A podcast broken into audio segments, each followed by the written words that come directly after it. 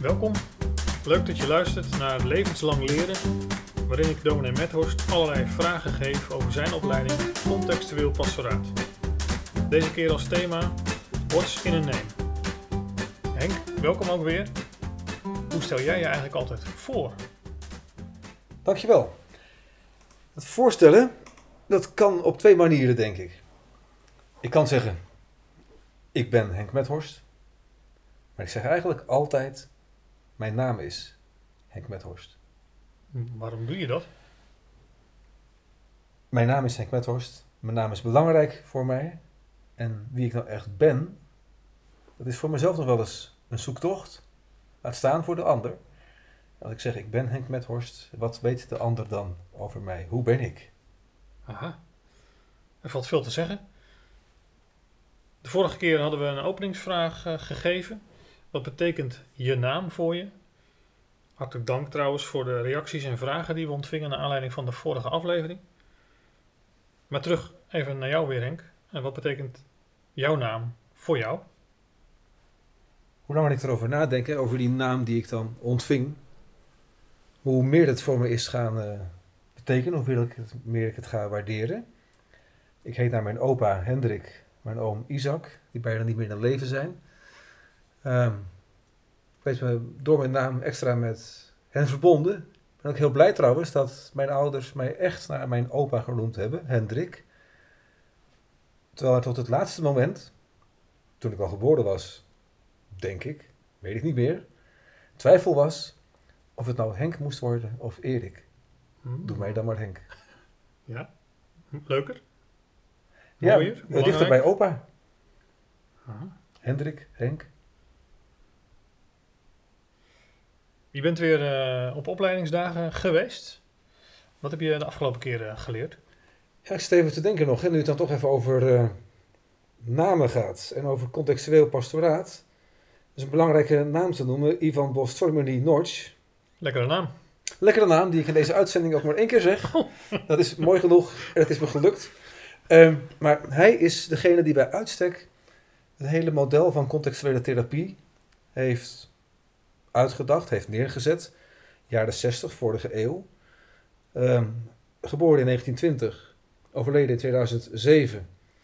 Dan denk ik achteraf, ja, ik studeerde dan ook al theologie in 2007. Ik uh, had toen hem nog niet gehoord, niet van hem gehoord zelfs. En uh, had wel gewild achteraf misschien dat ik uh, toen al wist van zijn bestaan. Dus ik ben te laat van wat hij mij geeft gaan genieten, zo gezegd. Oh. Um, maar goed, de hele therapie en de hulpverlening was vooral toen gericht op het individu. Ja. Terwijl juist deze Noords veel meer de opening geeft naar het gezin waar iemand bij hoort de familie. En daar was hij echt uniek in. Ook veel verder dan dat hele systeemdenken wat toen ook wel opkwam. Hij heeft veel meer oog voor intergenerationeel.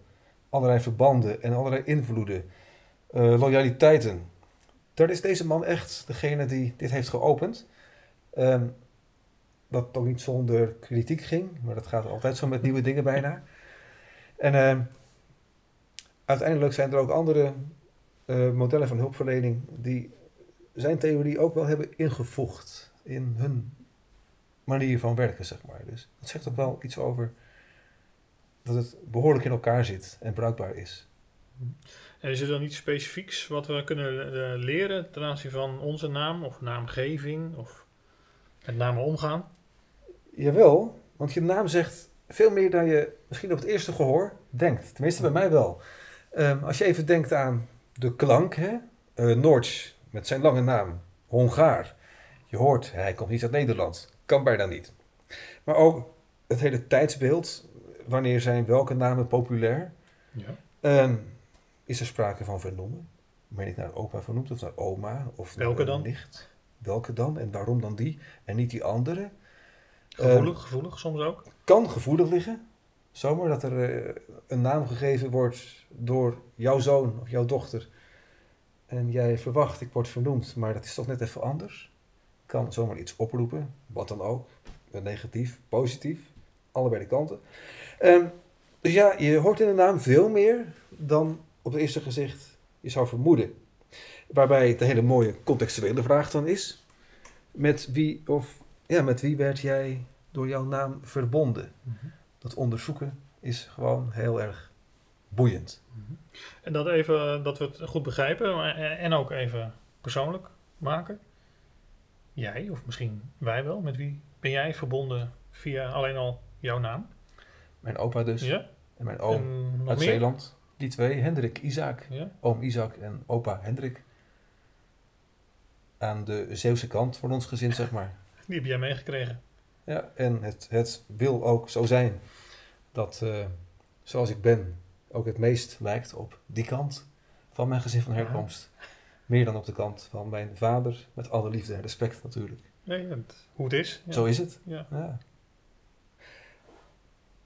En het kan ook zomaar zo zijn, bedenk ik nu, hè, dat als je over je naam nadenkt, dat je soms ook iets voelt meekomen van loyaliteit aan iemand naar wie je vernoemd bent. Als, een, als een soort verplichte loyaliteit bedoel je dan? Kan, Mhm. kan. En we gaan het nog vaker hebben een keer over loyaliteit in een andere aflevering. Maar dan komen we ook te spreken over de destructieve loyaliteit. Nou, dat is best een heftig woord. Daar we op terugkomen Ja. dan. Maar er is daar ook weer heel veel over te zeggen en te denken en van te vinden en over mee te nemen. Eh, ja, dat. Dus namen, namen eh, veelzeggender dan je denkt. Hè?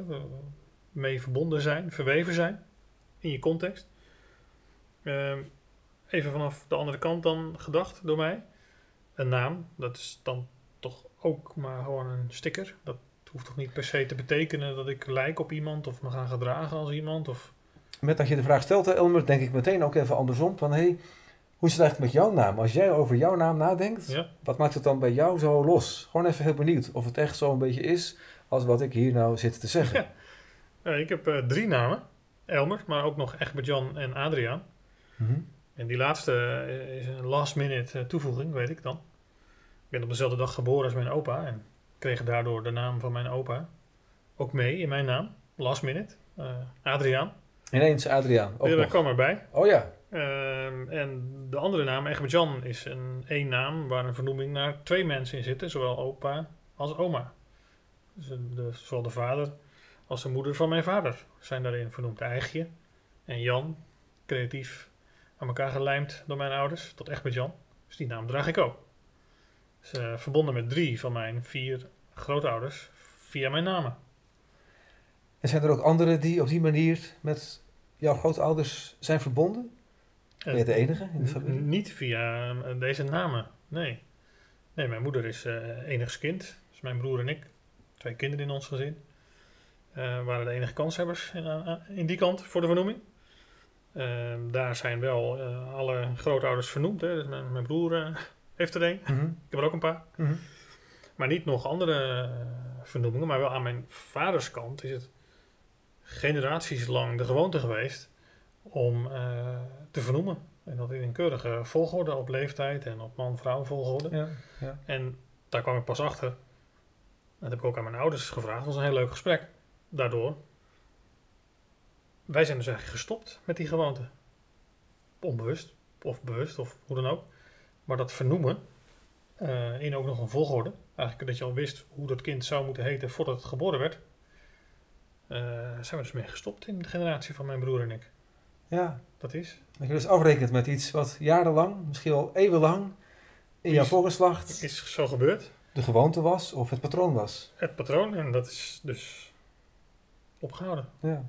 Het is boeiend om te ontdekken zo in één keer. Ja, Aan de hand van je ja, naam. Iets ja, wat je nooit wist, Veel zeggender dan je denkt. ontvang je. Nou, dat is het. Ja. Ja. Ja, Waarbij het ook altijd wat je zegt, hè, de, de vraag is hè, van... eh, hoe ga je door met het geven van namen? Want ook Ja. wij geven de volgende generatie Ja. een naam. Naamgeving. Heel bewust, denk ik.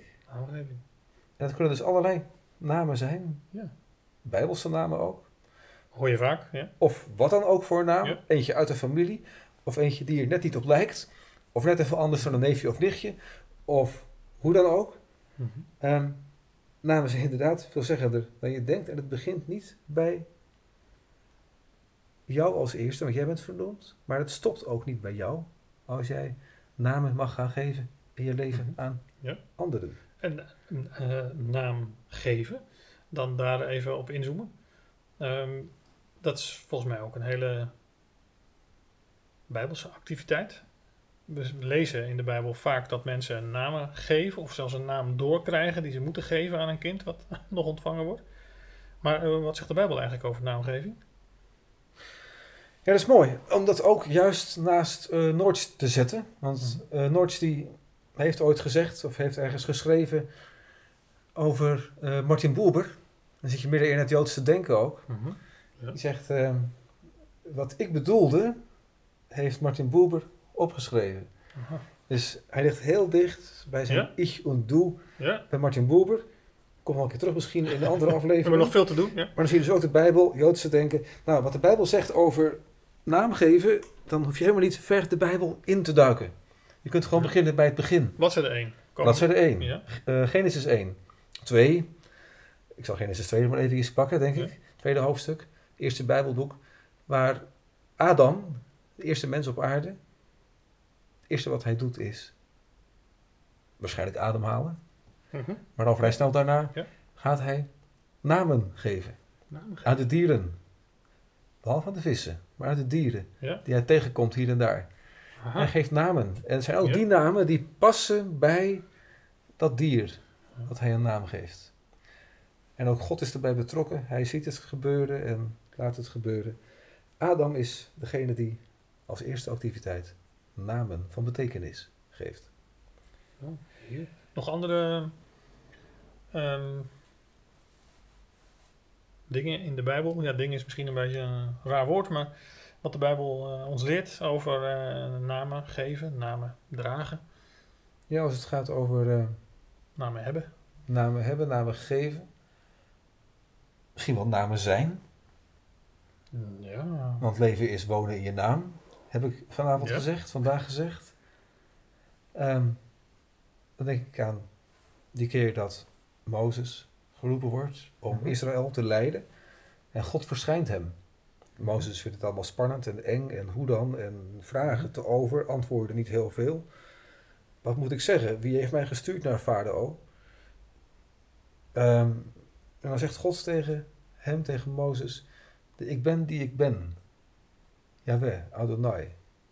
De Heere, vijf hoofdletters. Ehm, wij zeggen dan misschien niet zo snel, ik ben Henk Methorst of Elmer de Bruin. Of vul je eigen naam maar in, hè, van, nu je dit zo hier hoort vandaag. Wij zeggen, mijn naam is. Maar als iemand kan zeggen, ik ben, Mhm. dan is God het wel. Want hij is zoals zijn naam is. Ja. Ehm, Veelzeggend. Veelzeggend, ja. Ja. Enorm veelzeggend. En in het spoor van hem, van de ik ben, die ik ben, is ook Jezus, zijn zoon, die heel vaak zegt, ik ben dit of ik ben dat. Goede herder, deur, licht. Ik ben het die komen zou. Allemaal in het spoor van God de Vader. Dus ook daar zie je het belang van de naam terug. Die naam die, die onze hoop is, om maar met een lied te zeggen Ja, omdat die naam is. Ja. Is die naam hoop. mooi. De Bijbel. Eh, duiken we in van alles en nog wat even, eh, kort. eh, met allerlei verwijzingen naar hebben we nog te doen voor een andere aflevering. Eh, wat, wat is eh, naar jouw idee belangrijk om ons bewust van te zijn als we het over namen hebben of in, over what's in a name? Ja, Even een les van jou voor ons. ja, ja, ja. Een hele belangrijke les die ik zelf ook meenam uit mijn opleiding is deze. Van, eh, dat namen dus inderdaad veelzeggender zijn dan je denkt. En ga dus ook gewoon de uitdaging maar aan voor jezelf om eens even na te denken over je naam. Het is onwijs interessant, boeiend om te ontdekken. Je naam zegt inderdaad meer dan je denkt. Ook als je vernoemd bent, maar ook als je niet Mhm. vernoemd bent. Ja, en dus ook een praktische tip voor een gesprek onderling. Om eens aan de ander eh, te vragen of te onderzoeken. eh, wat- hoe ben je via je naam al verbonden met je context? Ja, en dat kun je vragen aan je partner, aan je kind. Als je kinderen mag hebben, ook leuk om aan je kind te vragen. Joh, Ja. jouw naam, hè, die wij jou gegeven hebben. Ja? Ehm, Ja. wat, wat roept dat bij je wakker? Ja. En dan ko- komen er allerlei antwoorden. Eh, Je hebt een mooi gesprek, je collega, je chef, degene met wie je altijd carpoolt in de auto. Ja. Noem maar op, die vraag kun je Mooi. overal kwijt. Mooie eh, gesprekstip. Als je dus stilvalt onderweg, stel de vraag: waarom heet je zoals je bent? Of waarom ben je zoals je genoemd wordt? Achteroverleunen en luisteren. En dat, genieten. dat. Ja. Mooi, mooi. Eh, over naam geven. Stel, ehm, jij mag nu jezelf toch een beetje kent, een naam geven. Hoe zou je dan jezelf eigenlijk noemen? Beetje rare vraag. En dat is een maar- vraag hè, waar ik even over na mag denken. Dat vind ik ook wel mooi. Misschien zou ik me gewoon zo willen blijven noemen zoals ik eh, Loyaliteit heet. dan? Loyaliteit. En niet eens per se aan mijn familie Oké, allereerst. ja. Zeeland? eh? Omdat mijn naam Ja. ook een Bijbelse naam is. Isaac. Ah, oké, ja. Ik heb toevallig ook in de opleiding even gezegd toen het over mijn naam ging van hey, ehm, ik ga onderzoeken of ik ook wat weg heb van de Isaac in de Bijbel. Op een aantal Hmm. momenten in zijn leven. Niet alle momenten, maar een aantal ogenblikken. Kijken van, hé, hey, herken ik daar deze Isaac die hier in de stoel zit in, in de Isaac die in het woord van God beschreven staat? Nu ik er zo eh, over. Heb je eigenlijk een bijnaam? Of is dat. Ik kan Spannend. mij geen bijnaam herinneren op dit moment. Heeft geen groep jou ooit een bijnaam gegeven? Klasgenoten, teamgenoten, collega's? eh, Nee, ik kan het me niet herinneren, maar dat betekent niet dat hij, dat hij dat er zou niet dus is. Hè? ook nog kunnen, dat anderen dat wel weten. Hij kan er zijn, precies. Ga het vragen Ja. aan mensen die mij kennen. Ja. Heeft deze jongen een hij een bijnaam? bijnaam? Nou, ik zat eens vragen aan wat eh, mensen die ik ken. Die, Ik die hoor de kennen. vraag. Ja. ja, of niet, dat is de vraag natuurlijk. Gaan we zien. Oh, geen bijnaam. Nou ja, voor zover jij weet. Hey, ehm, dankjewel voor nu. Is er nog iets eh, wat we mee mogen nemen? Naar aanleiding van What's in the Name? Net noemde je al een tip. Eh, Ik houd gewoon bij hetzelfde. ja, Ga het leuke aan om te onderzoeken hoe je Heel naam goed. je met jou verbindt en met anderen in je context verbindt. Die lijkt me helder, voor iedereen eh, toepasbaar de komende tijd. We zijn benieuwd naar wat er teweeggebracht wordt door zo'n mooie openingsvraag. De komende afleveringen, we hebben al een paar keer gezegd, komen we op terug. Maar wat is het thema voor de komende afleveringen? Komende afleveringen staat als een soort thema erboven. Van je familie moet je het hebben. Dat we ook even inzoomen in deze afleveringen op ons gezin van herkomst. Van jou als luisteraar. Van misschien mij, van jou als Elmer hier in deze eh, aflevering ook erbij. Ehm, en vooral de vraag om mee te nemen is dan, eh, wat roept familie bij je op? Een mooie openingsvraag als slot, zeg ik dan. Dankjewel eh, voor deze eh, ontmoeting. Eh, dat we weer konden leren. En een hele praktische, direct toepasbare gunst hebben ontvangen van jou om eens mee te gaan maken. Naam veelzeggender dan je denkt. Zo is dat. Dankjewel, Henk. Elmer, Tot de volgende keer. zeker. We zien naar uit.